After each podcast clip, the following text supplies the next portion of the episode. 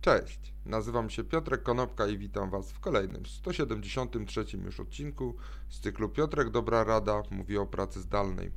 Dzisiaj powiem kilka słów na temat czterech powodów, dla których warto jako pracodawcy i jako właściciele firm rozważać pracę zdalną. Po pierwsze, zadowolenie pracowników.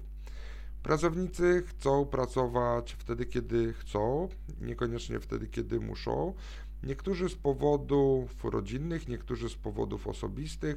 Innym pracuje się lepiej w ciągu dnia, niektórym pracuje się lepiej rano bądź wieczorem, ale ta wolność i elastyczność, która jest związana z pracą zdalną, daje im większą satysfakcję. A zadowolony pracownik to dobry pracownik. Punkt numer drugi to jest produktywność. Pracownicy, jeżeli są zadowoleni, to są bardziej produktywni. Oczywiście musisz zmienić swoje przyzwyczajenia i nie należy kontrolować pracowników za wszelką cenę w 100% w każdej minucie, w której pracują, natomiast należy się z nimi rozliczać za efekty pracy i również musisz pamiętać o tym, że trzeba tym pracownikom zaufać. Wtedy ta produktywność w pracy zdalnej będzie tak samo wysoka jak w pracy stacjonarnej, a być może wyższa. Punkt numer trzeci to etaty.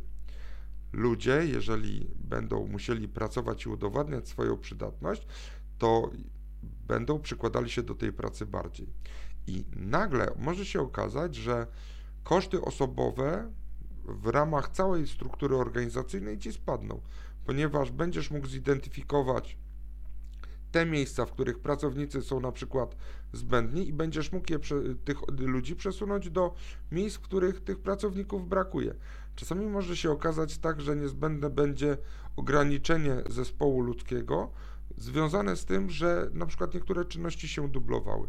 A w momencie, gdy będziesz wdrażał pracę zdalną w całości, w całej organizacji, jasno zidentyfikujesz i zdefiniujesz zarówno procesy, jak i konieczne do obsługi tych procesów zasoby, to będziesz wiedział, które osoby niestety będziesz musiał się z nimi pożegnać.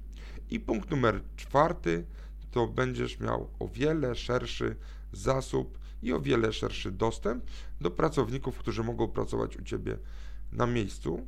Możesz wybierać tylko z tych, którzy pracują czy którzy mieszkają blisko Ciebie. Natomiast jeżeli masz wdrożoną pracę zdalną, to możesz sięgać do tych pracowników, którzy mieszkają w mniejszych miejscowościach, mieszkają dalej od ciebie, są być może lepiej wykształceni, ale nigdy nie zdecydowali się na przeprowadzkę do większego miasta i tak dalej, i tak dalej. Czyli masz firmę zlokalizowaną, nawet niech będzie w Warszawie, to możesz sięgnąć po człowieka ze Szczecina, Bielska Białej czy z Rzeszowa. Dzięki serdeczne, do zobaczenia i usłyszenia jutro. Na razie.